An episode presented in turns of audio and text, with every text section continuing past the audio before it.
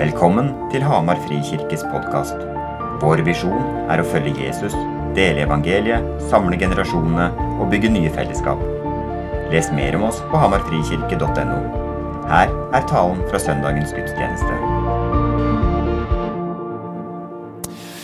Eh, Vi skal straks få høre en evangelietekst eh, fra Matteus som jeg skal lese, og som Farad også skal lese på sitt språk. Um, men før det så har jeg lyst til å fortelle om en historie. For rundt ti år så deltok jeg på en konferanse eh, i Oslo. Jeg hadde gått på en skole med utveksling, og litt sånn, så jeg, jeg var invitert fordi jeg hadde vært eh, ung voksen student i utlandet. Eh, var, jeg husker ikke engang hva konferansen handla om, men det jeg husker er at jeg satt helt bakerst til høyre, trøkt inn i et hjørne sammen med noen av de jeg hadde gått på skole med. Um, og på denne konferansen skulle kronprins Haakon han skulle holde åpningstalen. Det var litt sånn spenning i lufta. Litt, det var gøy. Kromperen skulle komme, liksom. Eh, um, og, og, så plutselig så kommer det høytidelig over anlegget. Eh, eh, alle reiser seg for Hans Majestet Kronprins Haakon. Og så kom det liksom musikk på anlegget, alle reiser seg, og så kommer kronprins Haakon inn der framme, fullt av livvakter, og alle reiser seg, og det er høytid. Eh, og um, det er litt sånn Du merker at det skjer noe. Det er noe ekstra. Og jeg reiser meg sammen med andre, alle andre, og så ser jeg ned på sida mi ved siden av meg, og så sitter ei av de jeg hadde gått på skole med, sitter med hodet bøyd, henda folda, i bønn. Kromperen holder sin greie, og så, så jeg, lener jeg meg mot hun som jeg var sammen med, og så spør jeg hva, hva skjer. Um, nei, jeg, jeg kan ikke gi han ære på den måten. Ja, han er kronprins, men han er ikke min konge. Jeg reiser meg kun for én, og jeg bøyer meg kun for én. Så hun klarte ikke, med god samvittighet, å reise seg for kongen eller kronprinsen. Fordi hun opplevde at han fikk en plass i det rommet som Jesus skulle ha. Og jeg ble ganske paff og satt ut, og litt skamfull. Ikke fordi jeg eh, hadde reist meg, men jeg ble litt skamfull for mitt eget syn på Jesus ble konfrontert. For jeg hadde aldri tenkt på Jesus på den måten før. At han er en levende Gud som er konge nå. Og hva vil det si å gi han ære? Og der og da så lærte hun meg utrolig mye om Jesus og min egen tro. Og jeg, Det var ikke noe fordømmelse å spore, men hun ble et forbilde for meg. Og den teksten vi skal høre i dag, er om tre Nei, jeg veit ikke om det var tre engang, men noen vismenn som oppsøker Jesus som et lite barn, som konge, for å hylle ham. Litt av grunnen til at Farad skal få være med å lese, er fordi, eh, som vi skal høre, så er det som om de vise menn de representerer alle folkeslagene rundt som kom til Jesus for å hylle han. Og så er det så lett å tenke og plassere oss selv i sentrum av historien at eh, så vi glemmer at Jesus ble født i Israel, eh, og at han kom fra jødene, og at vi og Farad er en del av de folkeslagene som har blitt trukket mot Jesu lys. Og så tror vi at alt handler om det norske, eller det vestlige, eller det hvite. Og så glemmer vi at vi er, vi er helt likestilte overfor Jesus språkmessig og nasjonalitet. Så jeg leser først, og så skal Farad lese etterpå um, på sitt språk. Så leser jeg fra uh, Matteus kapittel 2, vers 1 til vers 12. Da Jesus var født i Betlehem i Judea, på den tiden Herodes var konge, kom noen vise menn fra Østen til Jerusalem og spurte, hvor er jødenes konge som nå er født? Vi har sett stjernen hans gå opp, og vi er kommet for å hylle ham. Da kong Herodes hørte det, ble han urolig, og hele Jerusalem med ham. Han kalte sammen alle overprestene og folkets skriftlærde og spurte dem ut om hvor Messias skulle bli født. I Betlehem i Judea svarte de, for slik står det skrevet hos profeten. Du Betlehem i Judea er slett ikke den ringeste av fyrstene i Juda. For fra deg skal det komme en fyrste som skal være hyrde for mitt folk Israel. Da kalte Herodes vismennene til seg i all stillhet og spurte dem nøye ut om den tiden da stjernen hadde vist seg. Så sendte han dem til Betlehem og sa, Dra sted og forhør dere nøye om barnet, og når dere har funnet det, så meld ifra til meg, for at også jeg kan komme og hylle det. Da de hadde hørt kongens ord, dro de av sted, og se, stjernen som de hadde sett gå opp, gikk foran dem inntil den ble stående over stedet der barnet var. Da de så stjernen, ble de fylt av jublende glede. De gikk inn til huset og fikk se barnet hos moren, moren Maria, og de falt på kne og hyllet ham. Så åpnet de skrinene sine og bar fram gaver til barnet. Gull, røkelse og myrra. Men i en drøm ble de varslet om at de ikke måtte vende tilbake til Herodes, og de tok en annen vei hjem til sitt land. Vær så god. Bare hold tett. skal leses skal lese samme tekst på farsidering. عیسی در ایام زمامداری هرودس پادشاه در بیت لحم یهودیت تولد یافت. پس از تولد او ستاره شناسان از مشرق زمین به اورشلیم آمده پرسیدند پادشاه نوزاد یهودیان کجاست؟ پادشاه ما طلوع ستاره او را دیده و برای پرستش او آمده ایم. وقتی هرودیس پادشاه این را شنید بسیار پریشان شد و در تمام مردم اورشلیم نیز به تشویش افتادند. او جلسه با شرکت سران کاهنان و علمای دین قوم یهود تشکیل داد و درباره محل تولد مسیح وعده شده از ایشان پرسید. آنها جواب دادند در بیت لحم یهودیه زیرا در نوشته های انبیا چنین آمده است. ای بیت لحم در سرزمین یهودیه تو به هیچ وجه از دیگر فرمان روایان یهودا کمتر نیستی زیرا از تو پیشوایی ظهور خواهد کرد که قوم من اسرائیل را رهبری خواهد کرد نمود. آنگاه هیرودیس از ستاره شناسان خواست به طور خصوصی با او ملاقات کند و به این ترتیب از وقت دقیق ظهور ستاره آگاه شد. و بعد از آن آنها را به بیت لحم فرستاد و گفت بروید و با دقت دنبال آن کودک بگردید.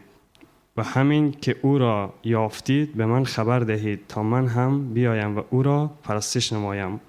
آنها بنا به فرمان پادشاه حرکت کردند و ستاره ای که طلوعش را دیده بودند پیشاپیش آنها می‌رفت تا در بالای مکانی که کودک در آن بود توقف کرد. وقتی ستاره را دیدن بینهایت بینهایت شدن و کودک را با مادرش مریم دیده و به روی در افتاده او را پرستش کردند. آنگاه صندوق های خود را باز کردند و هدایای شامل طلا کندور و مر به او تقدیم نمودند. چون در عالم خواب به آنها گفته شد که به نزد هرودیس باز نگردند از راه دیگر به وطن خود برگشتند. Vi gir en applaus til Farad.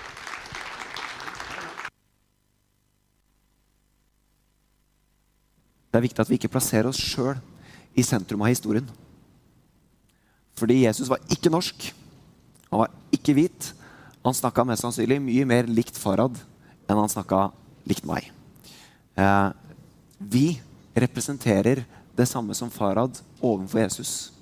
Og vismennene i dag, som vi skal høre og se, er kanskje et profetisk frampek på oss. Som også Marianne leste, at alle folkeslag skal måte gå mot lyset i Jerusalem. Det Matteus gjør i denne teksten her, for dette er fortsatt i innledningen i Matteus, det er at Matteus jobber for å gi legitimitet til Jesus. Han snakker til en jødisk menighet, mest sannsynlig, og bruker de første kapitlene i Matteusevangeliet for å gi et forsvar for, eh, for å vise de første jødiske leserne at Jesus han oppfyller skriftene i Gamletestamentet. Vi kan spore hans ettertavle. Vi veit hvor han ble født, når han ble født, hvem som var der. Han gir en legitimitet til Jesus som understreker dere kan stole på han. Det er poenget med historien. Poenget til Matteus er Han dere har hørt om, kan dere stole på. Det dere har hørt, er sant. Og så tenker vi litt sånn i våre vestlige med våre akademiske øyne det her er jo ikke veldig presist. Dette oppfyller ikke våre kriterier for hva vi kan stole på. Og det er kanskje greit nok. Men på den tida så ville dette gitt stor legitimitet til de første leserne. Å ja. Ja, men det er sant. Så på datidens Ifølge datidens kriterier så gjør Matteus et ganske grundig stykke arbeid for å vise at Jesus var og er troverdig. Men det som kommer fram, er også det at denne Jesus han er noe annerledes. Det er noe annet ved han. Han er ikke den kongen som dere ville kjent eller eh, hørt om til sammenligning med Herodes. Han er en annerledes konge i et annerledes rike. Og, Det har vært snodig, og jeg sa det også før jul, men bibeltekstene vi har lest før jul i kirkeåret, og tekstene som kommer de neste søndagene, forteller hvor annerledes Jesus var i forhold til forventningene om hva en politisk eller religiøs konge og leder skulle være. Det er et annerledesrike som bygges nedenfra. Og Det vi skal få se i dag, er hvordan Matteus setter opp noen kontraster eh, for å vise hvor annerledes ting var, til sammenligning med hva de kunne forvente. Så hvem var de vismennene her, da? De har fått navn. Vi tror det var tre. Alt det der. Høyst usikkert og usannsynlig. Masse myter. Vi veit ikke hvor mange det var. Vi veit ikke hva de het. Vi veit ikke hvor de kommer fra. Vi veit svært lite om de folka. Men poenget her er jo ikke hvem de var. Poenget er hva de representerte. Det er det Matteus prøver å få fram. Og det var, ifølge Hans Kvalbein, da, tidligere professor i teologi, eh, han, eh, han eh, sier at det var jo helt vanlig at konger ble hylla av, av si, representanter fra andre kongeriker. At det kommer noen ridende fra andre land for å hylle en konge. Helt vanlig at stjerner ble, ble tyda i forhold til barns fødsler, i forhold til kongers innsettelse. Det som foregår her, med at stjernen gikk opp og vismenn fra Østen kom ridende for å hylle en konge, helt vanlig. Ik ikke noe spesielt i det hele tatt. Og så kan vi kanskje bli litt skeptiske. Her leser de stjernetegn. Men det er ikke poenget. Poenget til Matteus er å vise at det som foregår, er helt vanlig. Og det er med å underbygge at det som skjer, er ekstraordinært. At Jesus var ekstraordinær. Han var ikke en hvilken som helst eh, unge som ble født. Det som er uvanlig i denne teksten, her, det er at de ledes til Betlehem og ikke til Jerusalem. Og her er første kontrasten som Matteus setter opp. For Betlehem et lite, stusslig sted i bakevja i Israel. Der fødes det en konge. Mens Jerusalem, som var kongens sete, hovedstad, religiøs hovedstad Man skulle jo tro at det var dit de dro for å hylle en konge. Men Betlehem blir det, dette tegnet på det annerledes riket. At kongen fødes nedenfra. I det stussligste, i det laveste, i det minste. Der bygges Guds rike. Det er første kontrasten i dag. Jerusalem settes opp i motsetning til Betlehem. Og det er veldig interessant at han gjør det på den måten der. Et annet poeng er jo nettopp det at vismennene blir dette tegnet, eller de symbolene, på hedningene. Dvs. Si de som ikke var jøder, som kom mot Jesus som tiltrektes mot Jesus. Og det er veldig interessant at det er noen andre enn jødene selv som hyller den først, som vi får høre om.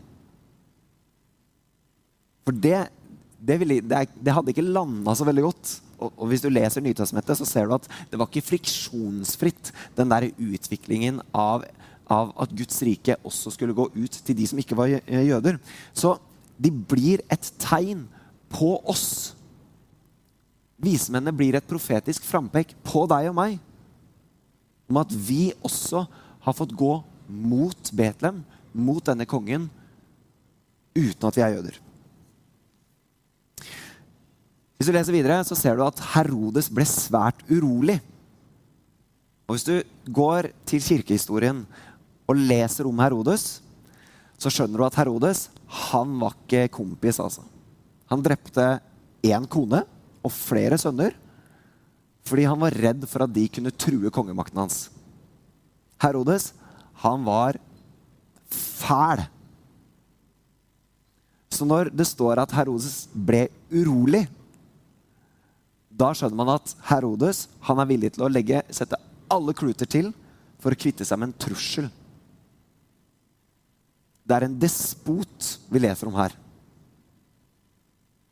Og vi, Det er så lett for oss å, å tenke at det er ikke så farlig, og så klarer vi ikke se hva dette betød i sin kontekst. Men den emosjonelle responsen til Herodes i dette er den ungen der som jeg hører om nå, han skal dø.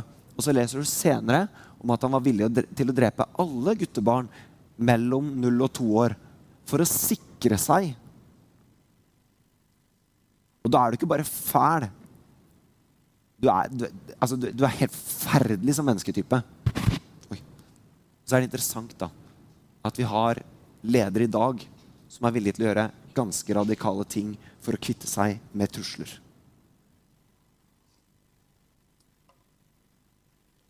Inn i det så kommer vismennene som en kontrast igjen. Som den andre kontrasten. Fordi vismennene de oppsøker Jesus, og så står det at de ble fylt av glede i møte med stjernen og i møte med barnet. Og Der har du den andre kontrasten. Jerusalem, som da blir denne igjen dette kontrasten da, mot Betlehem, de ble urolig. Kongen, Herodes, ble urolig. Vismennene de ble fylt med glede. Så vismennenes respons settes opp som et motstykke til Herodes sin respons. De settes igjen opp som et forbilde for oss i hvordan respondere i møte med et barn, i møte med Jesus glede. Og så kan det være at den gleden var spontan. Men det sier noe om at Herodes blir liksom satt opp som det verste av det verste. Og Jerusalem blir eh, brukt som en kontrast mot hvordan man ikke skal møte Jesus. Med uro, med frykt. Og hvordan er det vismennene responderer? i møte med Jesus? Jo, de hyller han. Og så står det at de falt på kne. Og det er en spontan reaksjon, ikke sant? Det er ikke å bøye seg ærverdig og ærbødig. Det er Shit, hvem er dette barnet? Å falle på kne er en spontan, emosjonell reaksjon den kommer fra hjertet. Og det er en veldig fysisk reaksjon. Så de responderte med hele seg innenfor Jesus. Emosjoner, kropp og ord. Det står litt i kontrast da, til noe av vår lavkirkelige lutherske arv i Norge, hvor vi skal respondere ærbødig og stille med andakt, som det het så fint. Men de responderte med hele seg.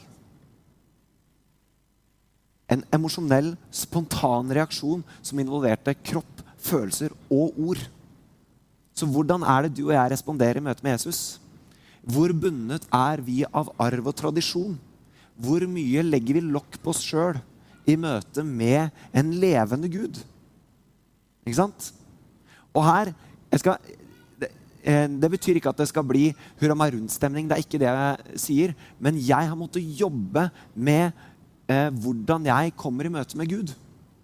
Fordi jeg merker at jeg har en arv som har bønnet meg.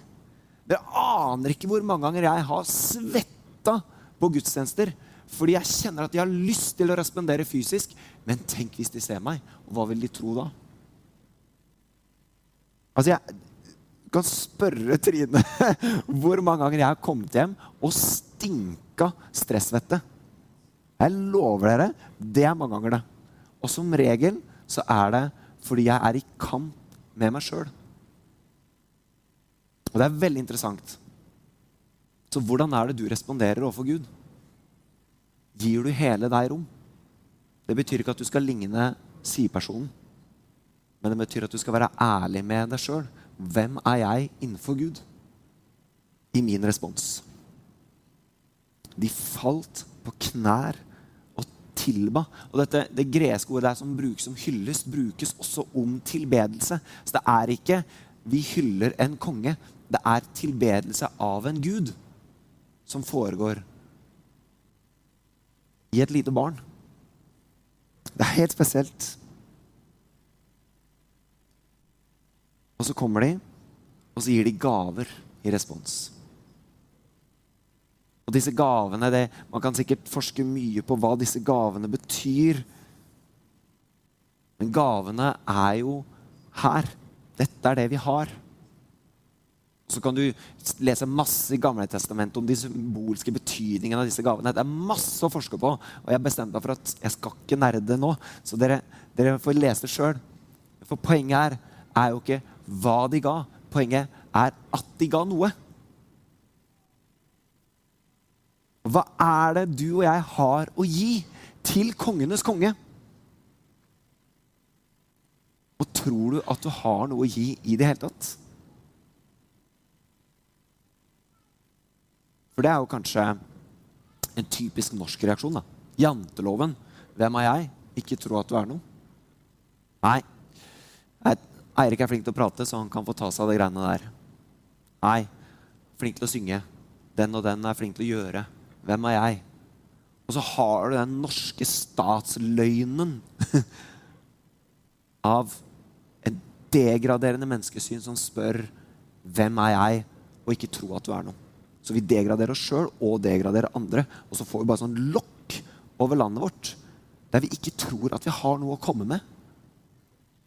Og jeg, åh, jeg, jeg At jeg, jeg nevner dette for staben, om ikke ukentlig, så ofte det der Jeg blir så provosert av akkurat den der janteloven. Det er Åh.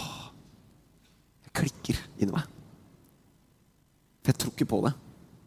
Så hva er det du og jeg har å gi i respons? Og når vi talte om forvaltning i vår, så var det jo nettopp det vi snakka om. Og vi brukte en lignelse som handler om det er jo ikke mengden vi har fått av noe, men at vi forvalter det. Så hva er det du har å gi? I respons, som også er hyllest. Så når jeg bruker Jeg tror jeg har fått en gave til å snakke foran folk. Og jeg liker det. Jeg syns det er gøy. Og jeg tror jeg har masse fornuftig å si, og tenker at folk vil høre det jeg har å si. Og så Noen ganger så blir det for arrogant, og så må jeg omvende meg fra det. Men noen ganger så er jeg i en flytsone hvor jeg merker at nå gir jeg tilbake. Men tør jeg tro at det er å tilbe? At jeg tilber Gud ved å handle? Tør du å tro at du tilber når du tjener, når du gir penger, når du gir tid, når du gjør og bruker det du har fått, hva nå enn det måtte være? Ikke sant? Vi leser fra Jesaja eh, en gang til den teksten som Marianne leste. For det er en fabelaktig tekst som oppsummerer egentlig veldig mye av det vi har snakka om. Fra vers 1 i kapittel 60. Reis deg, bli lys, for lyset ditt kommer. Herrens herlighet går opp over deg. Se, mørket dekke jorden, og skodde dekke folkene. Men over deg går Herren opp og hans herlighet viser seg over deg. Folkeslag skal gå mot ditt lys, konger skal gå mot din soloppgang. Løft blikket og se deg omkring. Alle samler seg og kommer til deg. Sønnene dine kommer fra det fjerne. Døtrene dine blir båret på armen. Da skal du se og se det og stråle. Hjertet skal skjelve og svulme. For havets skatt skatter blir dine. Folkeslagenes rikdom kommer til deg. Kameler i mengde kommer til deg. Kamelfoler fra Midian og Efa. Alle fra Saba kommer. Gull og røkelse har de med seg. De forkynner Herrens pris. Det er et, det er et fabelaktig dikt. Kjempeemosjonelt. Store ord. Hjertet svulmer. Nei, tenk på det. Det er jo helt vanvittig språk når du går inn i det. Og det de ser, er Guds nærvær. Herrens herlighet i et lite barn. Og vi kan få møte Guds nærvær i dag. Vi tror vi møter det i nattverden. Vi tror vi møter det i fellesskapet. Vi tror vi har det i oss ved Den hellige ånd. Herrens herlighet kan bli og er synlig. Og responsen er hyllest, tilbedelse og misjon. For det Matteus gjør her, det er, det er genialt, det han gjør her. Han innleder og avslutter Matteusevangeliet med at folkeslagene skal gå mot Jesus og trekkes mot Jesus. Vismennene representerer folkeslagene som går mot Jesus. Og så avslutter han hele evangeliet med Gå derfor og gjør alle folkeslag til disipler. Døp dem i Faderens, Sønnens og Den hellige ånds navn, og lær dem holde alt jeg har befalt dere. Folkeslag som rettes mot Jesus, er innpakninga til Matteus. At folkeslag skal bøye seg for kongen. Og Det er fristende å, å, å liksom si det over Hamar, men tør vi å tro det? At midt i møtet med Hamar, midt i møtet med menneskene rundt oss, som tilsynelatende er så langt unna, tør vi å tro at de kan få se Herrens herlighet i en konge, i kirken, i deg. Og det ender med at de bøyer kne. Ikke for deg, ikke for meg, ikke for kirken, men at de bøyer kne i tilbedelse til kongenes konge, som vi tror lever. Og tør vi å tro at det vi gir i respons, er med å virke det fram?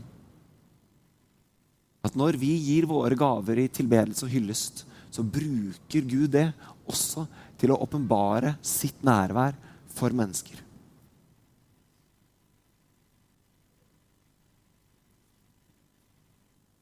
Invitasjonen er 'kom og tilbe'. Invitasjonen er 'tør å tro at du har noe som du kan gi'. Invitasjonen er å se Guds nærvær. Vi skal få gå inn i en lovsangsrespons nå. Vi har god tid, og det blir mulighet til forbønn bak. Men når vi nå skal synge og tilbe, så kan du velge å tilbe uavhengig av hva du føler. For tilbedelse kommer ikke alltid fra et emosjonelt sted, men det kommer ofte fra et valg. Og så kommer emosjonene som en respons og reaksjon. Og noen ganger så kommer det fordi vi vil og har glede. Men du og jeg har et valg når vi synger sammen i kirken. Vi har et valg om å tilbe, om å rette hjertet vårt og tankene våre og emosjonene våre mot kongen og tilbe. Og så er det mulighet for forbønn. Er du sjuk eller har du det kjipt, gå til forbønn. Lengter du etter å få se Gud, så gå til forbønn. Du kan gå dit, du kan pirke sidemannen på skuldra og si 'Jeg tør ikke gå dit, men kan du be for meg?' Vi skal få være i tilbedelse, og vi skal få gi vår takk i respons til Gud. Så jeg avslutter med, med en setning som jeg lærte på MF, men som jeg måtte kanskje holdt igjen litt. Men som hører hjemme i en slutten av en sånn her preken. Og det er det presten alltid sier i norske kirke når de avslutter prekenen sin. Og det er ære være Faderen og Sønnen og Den hellige ånd, som var, er og blir en sann Gud fra evighet og til evighet. Amen. La oss tilbe.